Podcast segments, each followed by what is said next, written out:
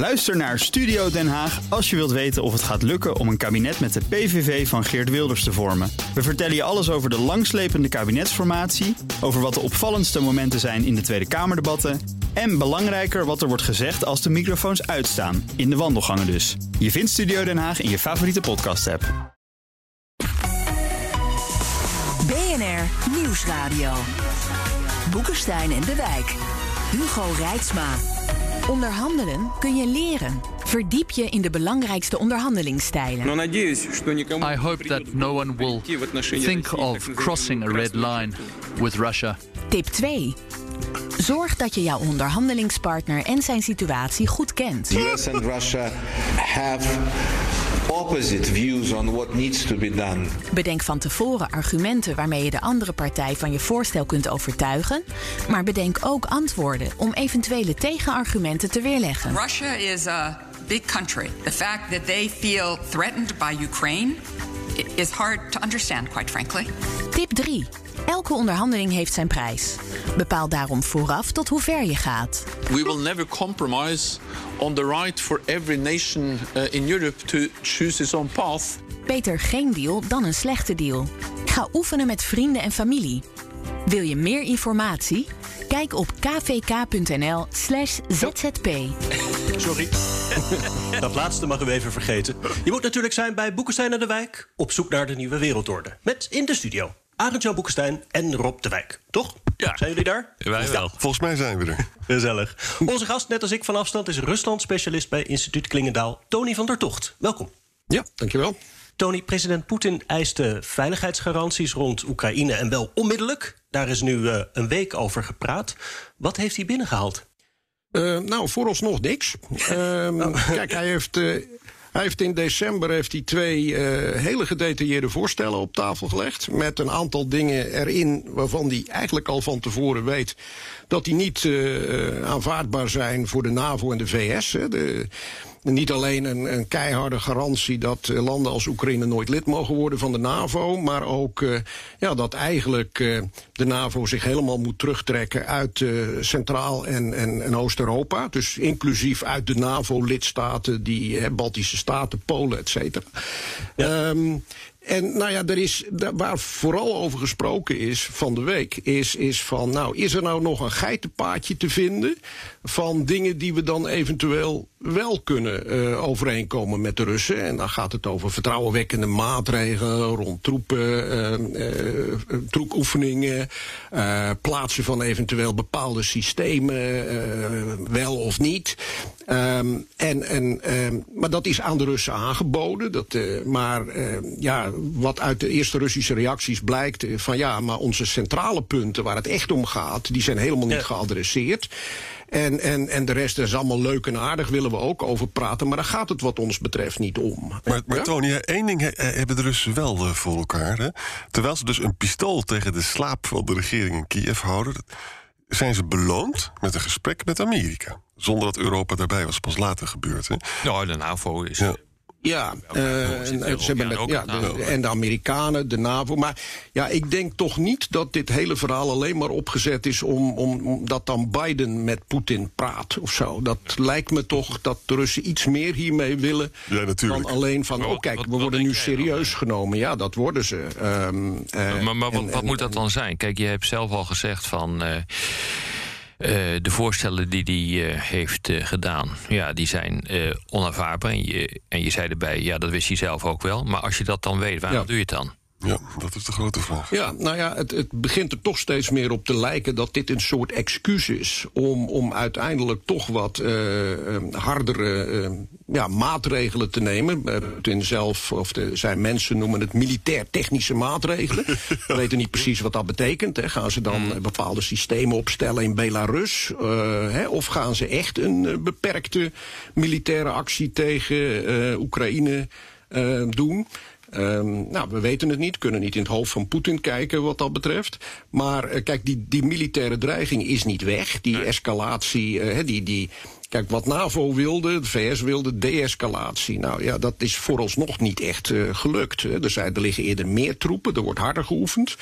Ehm, en en er, er, zijn niet troepen, troepen, teruggetrokken nu van die van Nee, maar er zijn er ook niet heel veel bij Dus dat, blijft, dus dat pistool blijft, blijft op tafel. Ja, dat klopt. Maar aan de andere kant, hè, ik herinner me nog uh, de prognoses van uh, de Amerikaanse inlichtingendiensten... die uh, bijvoorbeeld in de New York Times te lezen waren. Het waren een maand geleden lagen er 100.000 troepen in de, in de buurt ja. van Oekraïne. Men zei van, nou, dat gaat oplopen naar 175.000. Dat is niet gebeurd. En als je ook kijkt, een aantal andere maatregelen zijn ook niet genomen. Er zijn wel wat helikopters verschoven in de richting van de grens. Maar het is allemaal echt onvoldoende om een echte interventie uit te, voeren. Dus dan is nog steeds de vraag van wat wil je nou eigenlijk hiermee? Dus dit is natuurlijk wel een teken om de druk op te voeren. Maar ja, wat, wat wil je nou uiteindelijk bereiken met die militaire macht? Dat is denk ik nog steeds een grote vraag. Ja, ja, maar goed, je, je kunt het hebben over een grootschalige interventie. Die, die vind ik onwaarschijnlijk. Hè, dus daar hebben ze ook inderdaad de spullen niet voor. Maar, uh, maar je kunt ook denken aan, aan hè, die kleine separatistenrepubliekjes uh, en, en daar een, een militaire actie plegen. En, en daar kan makkelijk iets voor gevonden worden. Iets wat geframed wordt als een Oekraïnse provocatie van onze mensen daar. En ze hebben daar dus ijverig paspoorten uitgedeeld, Russische paspoorten. Van onze mensen zijn in gevaar. En uh, de chef van de generale staf, Gerasimov, die heeft al een keer geroepen... er dreigt daar genocide. Nou, dan krijg je een soort Russische versie van responsibility to protect. Van ja, sorry jongens, we moeten wel. Want die Oekraïners die zijn hier uh, onze mensen aan het afslachten. Nou, dan krijg je een beperkte uh, militaire invasie of actie. Uh, waarbij, waarbij dan een entiteit gecreëerd wordt. Die, die misschien door Rusland wordt erkend. Of, of hè, zoiets. In, in zo'n ja, ja, soort dat zou kunnen. en dan, dan terecht. Zou het nog helemaal mooi zijn vanuit de, Poetins redeneringen om een ja, om een corridor uh, aan te leggen vanuit uh, Rusland uh, in de richting van, van de Krim. Dan, en dan pakt hij, het hele boel, dan pakt hij de hele boel in, dus ook in de richting van de Donbass. Dat zou me inderdaad niet verbazen. Dat moet ook militair technisch wel mogelijk zijn. Maar een ja. vraag aan jullie ja. beiden, want het blijft toch een beetje raar. Hè? Er is een prachtige brug van Rusland naar de, de Krim. Hè? Daar kun je gewoon lekker met vrachtwagens overheen en zo. Die operatie die jullie doen, dat kost een hoop geld. Je krijgt een heel verarmd gebied erbij. Natuurlijk is het, is het, is, je kunt water dan brengen naar, naar de Krim. Want die waterleiding wordt wel eens afgesloten door Kiev, geloof ik. Hè? Maar het is allemaal wel... Het kost ontzettend veel geld. Nou ja, wat je dus doet als je dus inderdaad een corridor gaat... Uh gaat inrichten, dan pak je ook Mariupol uh, erbij. De, de, de, dan sluit je eigenlijk gewoon die hele zee af. Van Azov. Van Azov, uh, die sluit je dan af. En dan kan eigenlijk gewoon geen Russisch schip, geen Oekraïns schip daar maar inkomen. Ik, het zou me niet verbazen als dat ook een belangrijke reden is om zo'n operatie uit te voeren. Want dat, dat doet economisch enorm pijn voor Oekraïne. Ja, dat is zeker. Tony, ja. is dat een achtelijke gedachte? Of? Nee, nee, dat is geen achterlijke gedachte. Maar ik denk niet dat ze dus echt grote risico's willen lopen voor alleen maar dat. Hè. Dus je ja. moet, ik denk dat Rusland, ja, die heeft toch het, het grotere strategische plaatje in gedachten. Dat weet ik niet. Uh, en ja, het is voor mij ook nog altijd een vraag waarom voor Poetin dit nu zo urgent is. Dat hij nu, nu dit soort garanties wil hebben en het heel bedreigend ervaart wat er nu gebeurt. En, en, en mijn observatie daar is van dat hij het gevoel heeft gekregen dat Oekraïne langzaam voor Rusland voor altijd verloren dreigt te gaan. Uh, een soort point of no return langzamerhand wordt bereikt. Hmm. En in het Russische idee is, uh, als ze een grootmacht willen zijn, moeten ze Oekraïne erbij hebben of in hun invloedssfeer. Uh, en anders zijn ze geen serieuze grootmacht meer. En dat, dat dreigt nu verloren te gaan. En, en daar wil hij dus een, ja, gewoon een, een, een duidelijke rode lijn trekken, denk ik. Nou ja, als je dat ja, want anders, waar, waarom noemt... dit nu zo opkloppen? Want je hebt dus een soort situatie die, die nou ja, van een soort protracted conflict... Mm.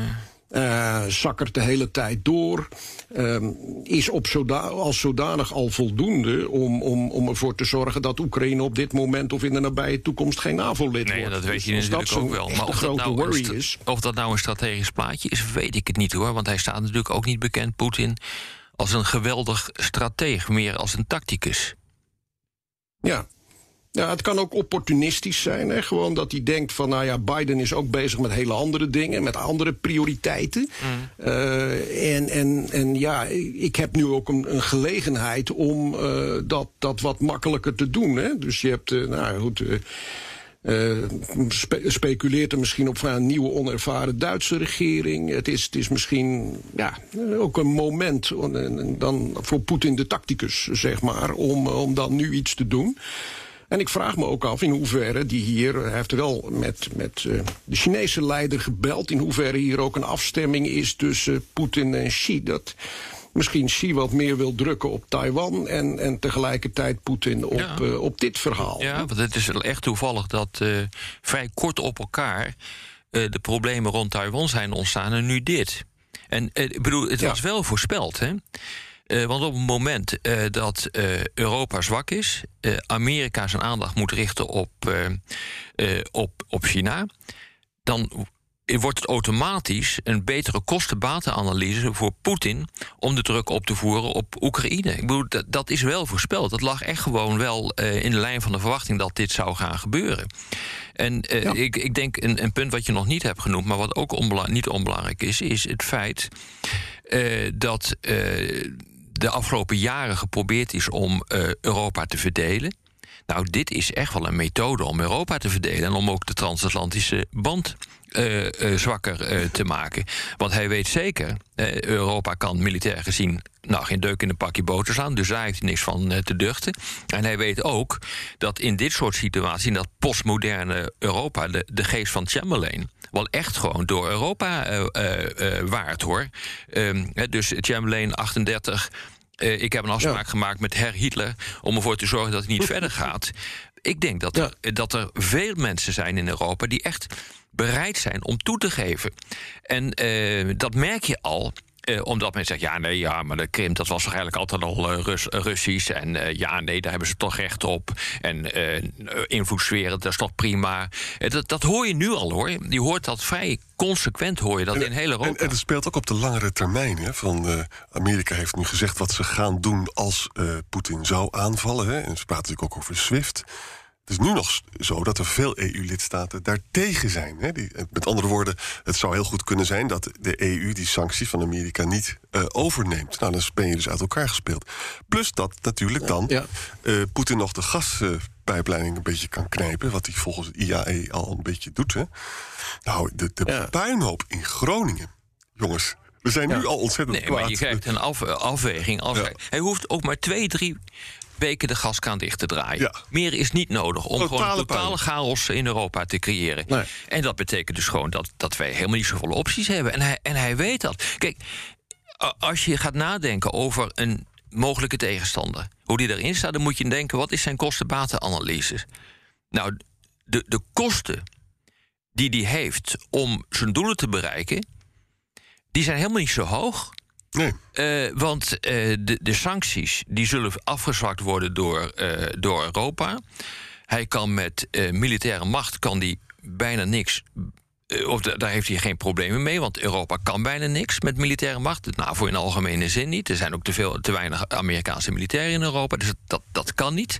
Dus als je een kostenbatenanalyse maakt vanuit zijn perspectief, dan zijn de kosten om iets te doen in Oekraïne, nou, die zijn eigenlijk laag ten opzichte van de baten. Althans op dit moment. Wat ja. in de toekomst kan gaan gebeuren, dat weten we natuurlijk niet. Want misschien verzandt hij wel in een enorm conflict in Oekraïne. Ja. Maar, dat, ik, ik, ja. maar dat speelt volgens mij nu niet. Uh...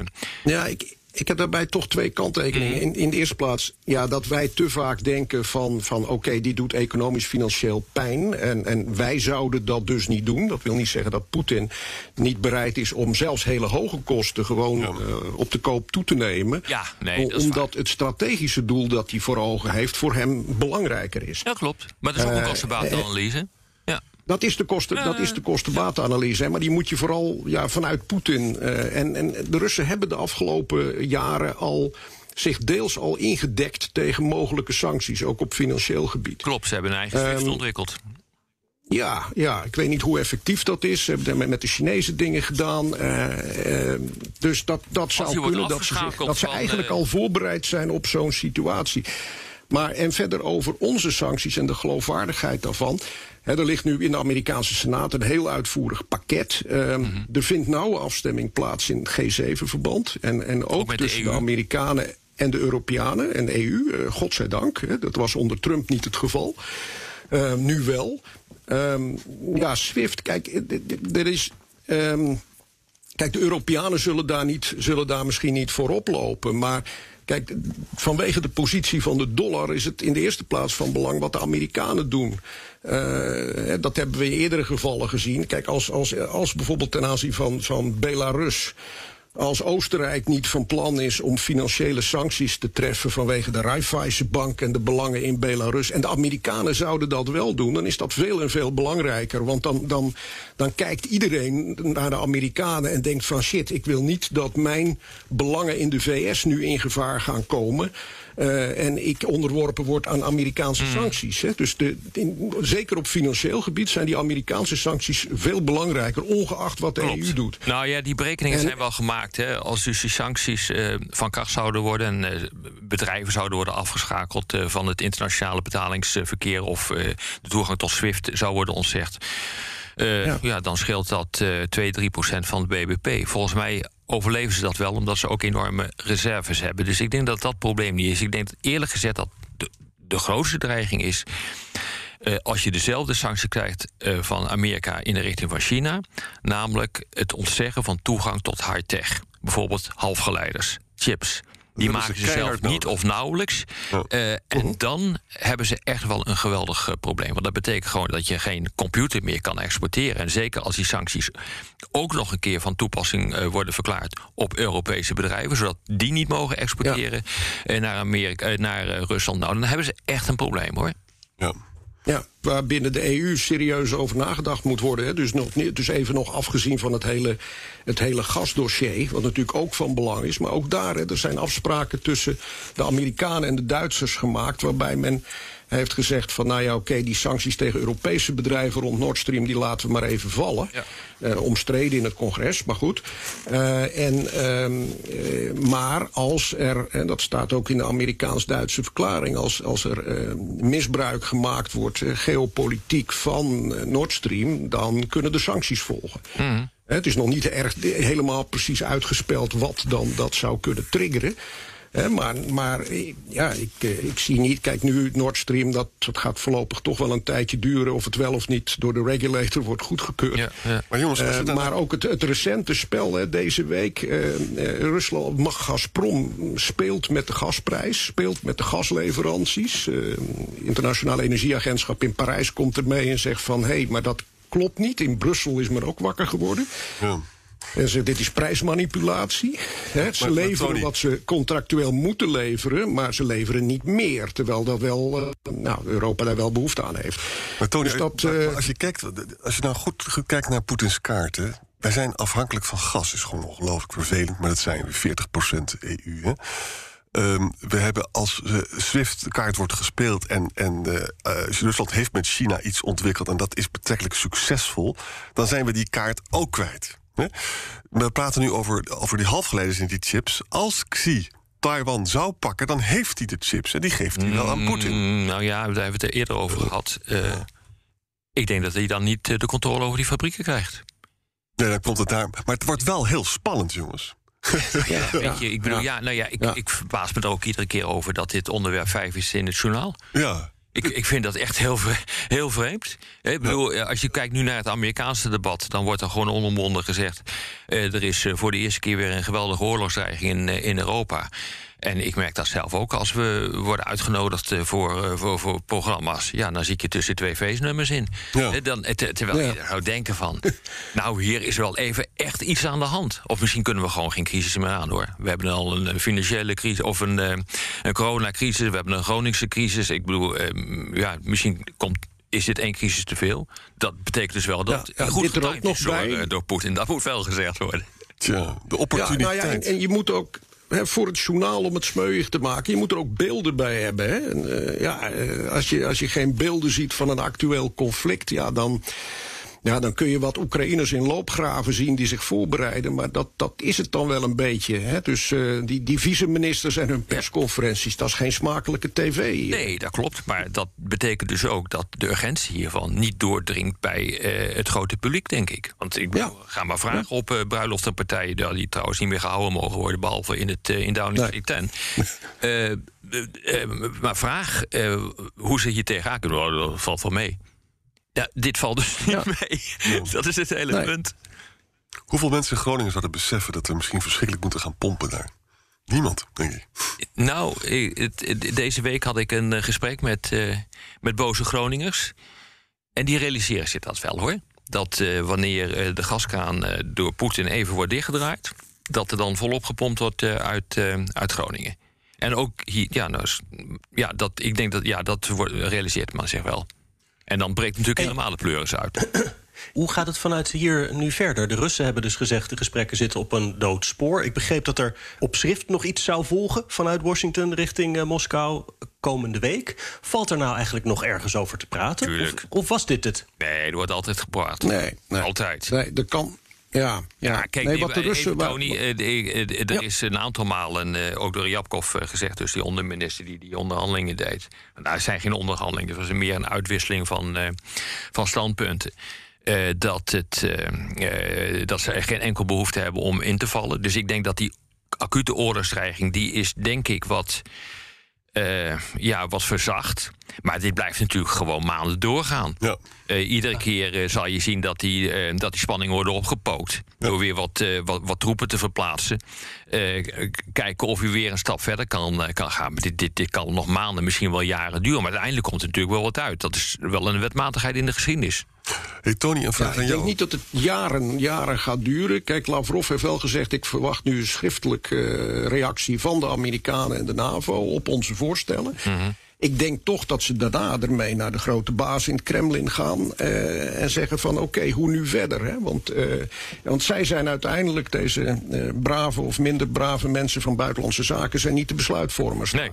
daar. Ja. Dus dit zal, Poetin heeft hun de opdracht gegeven, eind vorig jaar... van eh, dit is wat ik geregeld wil zien, doe dat. En op korte termijn. Nou, zij komen straks terug naar de baas met dit resultaat. En dan is het aan Poetin om te bepalen van nou, is dit voldoende of onvoldoende? En als het onvoldoende is, wat ga ik dan doen? Het is ook onvoldoende.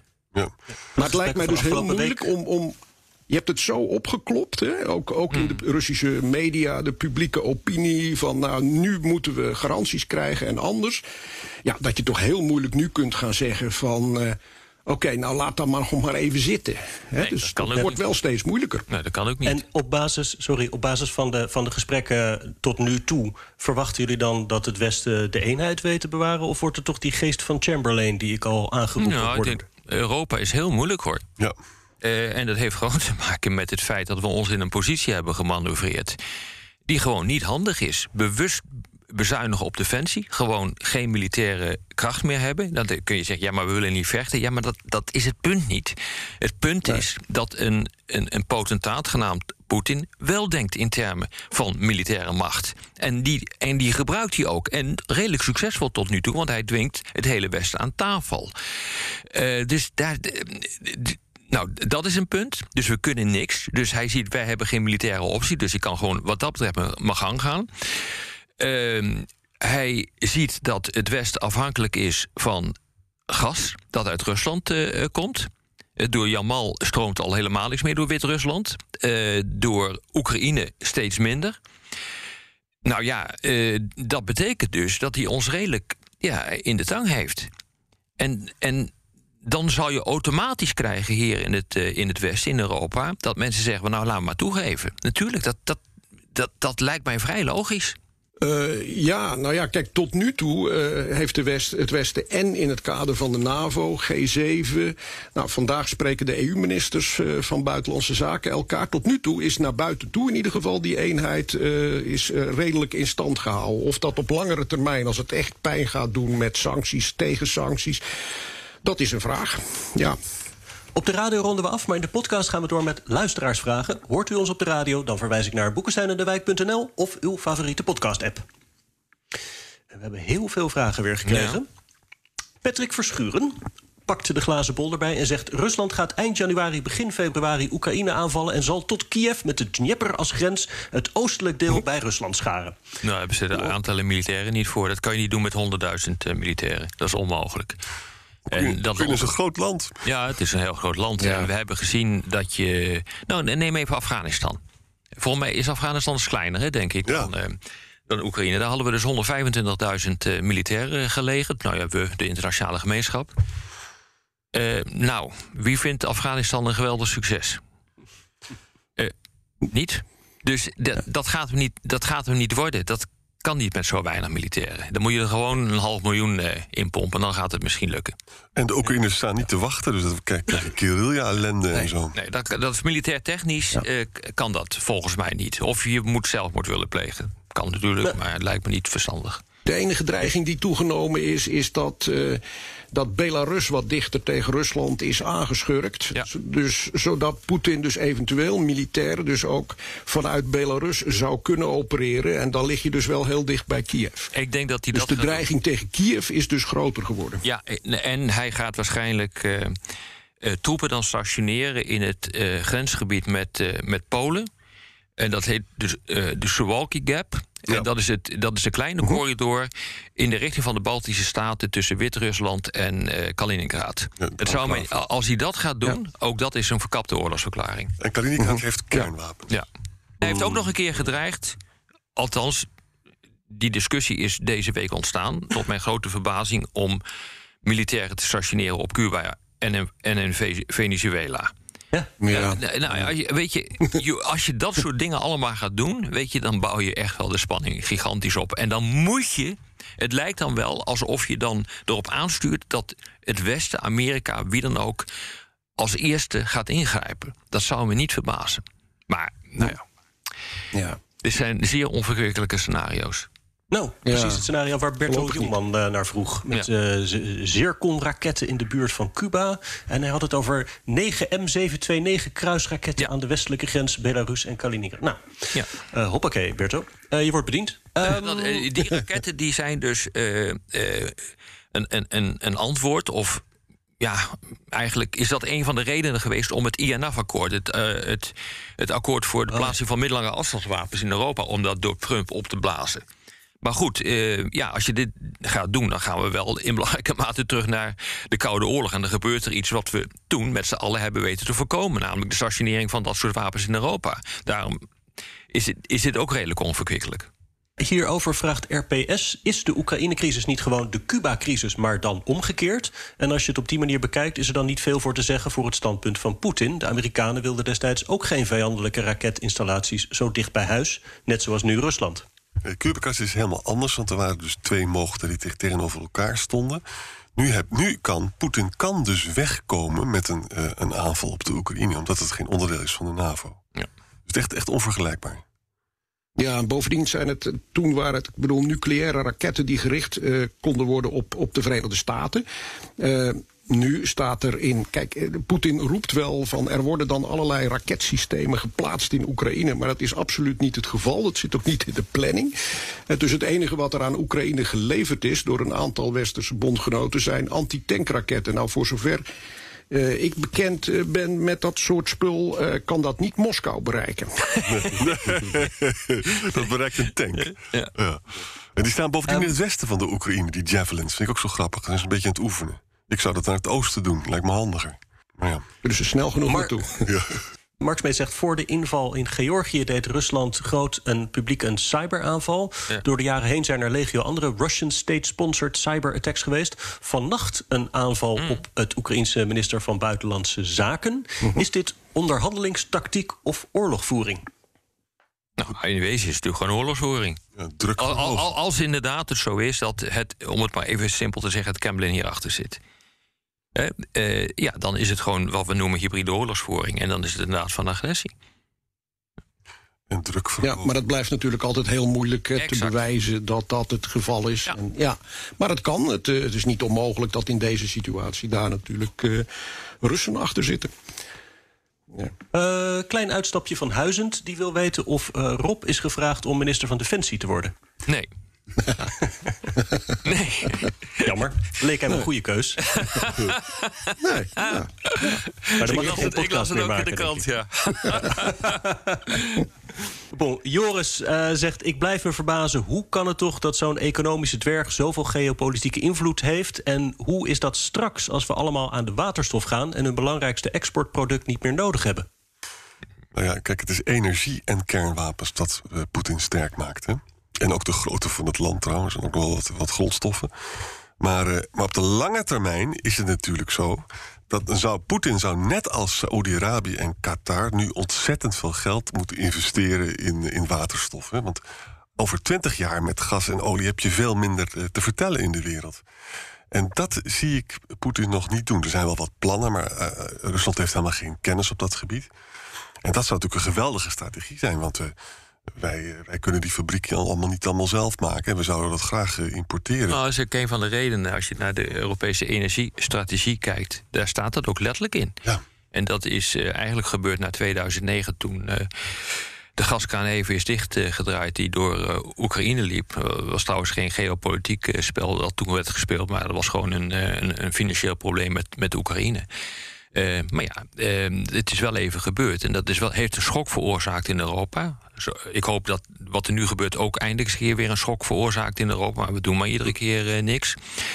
Uh, maar de grootste bedreiging inderdaad, Jan, is inderdaad uh, Fit for 55. Ja. Uh, dus een vergroening, een Green Deal...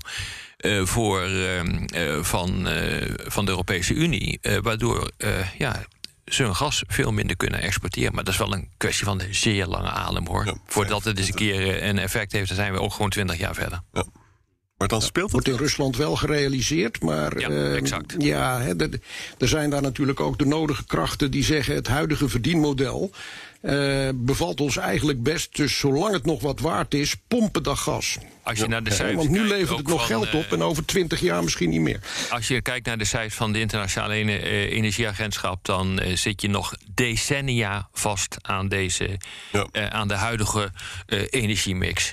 En uh, het is echt niet zo dat uh, als wij besluiten dat we in 2030 uh, alleen nog maar elektrisch mogen rijden in dit land, dat dat enige zoden aan de dijk zet. Dat is gewoon niet zo. Ik bedoel, je kunt gewoon naar de cijfers kijken. Zo tot 2050 is nog steeds de, wereldwijd gas, olie nog steeds heel, een, een zeer, zeer belangrijke brandstof. Lex Seidsma vraagt: Rusland wil wel heel veel, maar heeft het wel de militaire capaciteit? Ze hebben nu militairen in Syrië, Oekraïne, Kazachstan en Georgië. Is de grens van wat mogelijk is nu niet bereikt? Ja, dat, dat is denk ik wel een hele goede vraag. Kijk, uh, ze hebben een enorme zeepert gehaald toen ze Georgië uh, binnenvielen. Ja. Uh, nou, dat is inmiddels alweer ruim, ruim, ruim tien jaar geleden. Uh, toen dat uh, gebeurde. Dat was geen feest. Dat is niet goed verlopen. En daar zijn mensen geweest die ongelooflijk op een sodomieten daarvoor hebben gekregen. En dat heeft geleid tot een moderniseringsprogramma. En die krijgsmacht is wel enorm gemoderniseerd. Maar dat wil nog niet zeggen uh, dat je goed in staat bent om dit soort operaties uit te voeren. Kijk nou eens naar Amerika met de, met de, met de meest machtige krijgsmacht van, van de wereld, nog steeds hoe die gewoon in elk conflict zo ongeveer onderuit gaat. Het hangt er maar net van af van hoe zo'n conflict zich gaat ontwikkelen en hoe je de bevolking tegen gaat krijgen. Als dat gaat gebeuren en je raakt verzeild in een moeras... en dat is de Amerikanen een aantal malen gebeurd... Irak, Syrië, eh, Afghanistan... Eh, dan, eh, ja, dan ontstaat er een situatie waarin je eigenlijk niet zoveel kan. Ja. En die kans is vrij groot in Oekraïne. En ik zou mij zeer verbazen als, als, als Poetin of, of Gerasimov, de, de grootste militaire baas, dat niet begrijpt. En er is een COVID-probleem. 40% is maar gevaccineerd in Rusland. En dat schijnt dus ook bij die soldaten te, te zijn. En verder, is het niet zo dat het Russische leger een conscriptieleger is? En dat dus. Ja. Dat betekent ja. dus, nou ja, dan ben je misschien ook niet altijd even geweldig gemotiveerd als je er geen cent voor krijgt. Ja. Dus en als de bodybags echt terugkomen in Rusland, dan ze ook niet verliezen ze ook snel draagvlak onder de eigen bevolking. Ja, het worden net zulke watjes als wij bij wijze van spreken. Ja, ja. exact. Boris Neerlander vraagt: Rusland heeft een eigen beeld van de geschiedenis en maakt zichzelf een slachtoffer. Hoe kunnen wij dit veranderen? Niet. Nee, dat moeten ze nee, zelf ik vrees doen. Van niet. Ik vrees van niet. Nee. Uh, dat is inderdaad een hele goede vraag. Ik denk dat ja, we moeten wel ons proberen dat dat uh, te veronderstellen, of een, een, voorstelling te maken van waar komen ze vandaan en waarom doen ze dit. Maar het grote probleem is dat voor een deel wordt dit, wordt dit ook gewoon geframed, uh, ingezet. Dat je je zelfs kunt afvragen van geloven de Russen zelf alle details hiervan? Of is dit vooral een, een politiek wapen dat ingezet wordt? Uh, tegen anderen. Framing, een eigen narratief, ja. uh, herschrijven van de geschiedenis. Het past allemaal in dat kader. Ja, daar heb je natuurlijk helemaal gelijk. En daarnaast speelt nog een ander. Wij kennen dat de geschiedenis heel goed. Hè? Een grote mogendheid met een groots en rijk verleden. Hè? Portugal bijvoorbeeld. Of, of het dagje van, uh, van Engeland zelf. Met de Suez-crisis. Hoe ongelooflijk dat er in. Britten worstelen daar nog steeds mee. Hè? Met, het, met, het, met het enorme machtsverval. Dus in, die zin is, is het ook wel universeel, denk ik. Maar bij de Russen is het echt paranoia ook. Hè? Het idee van. Uh, dat je, dat je dus weet vol te houden dat het Westen op het punt staat om aan te vallen, terwijl dat echt totale onzin is.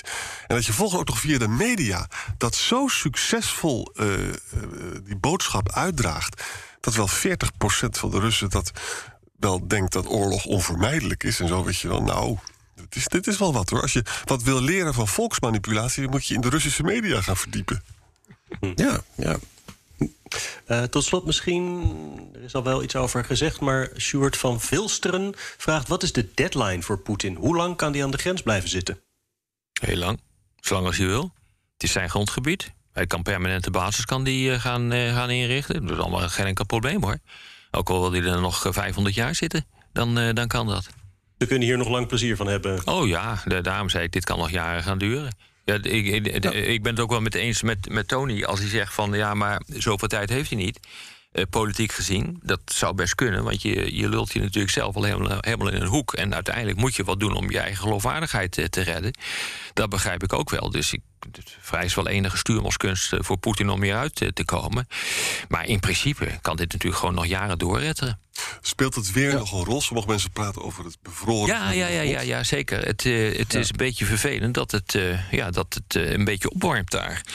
En normaal gesproken zou de grond nu bevroren moeten zijn. En dan kan je met die fijne tanks eroverheen gaan. Maar het is nu een redelijke uh, modderzooi. Dus uh, nee, dat, dat is op dit ogenblik het geval. Dat is een heel aardig punt wat je, wat je maakt.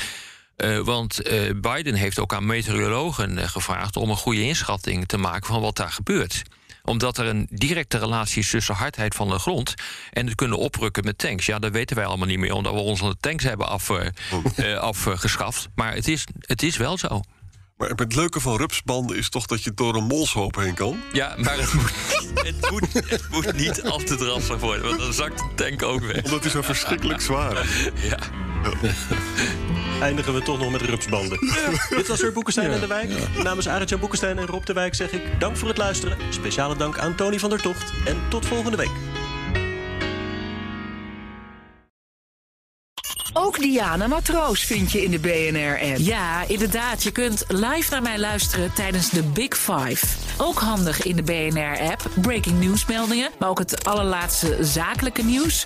En je vindt in de app alle BNR-podcasts, waaronder Wetenschap Vandaag. Download nu de gratis BNR-app en blijf scherp.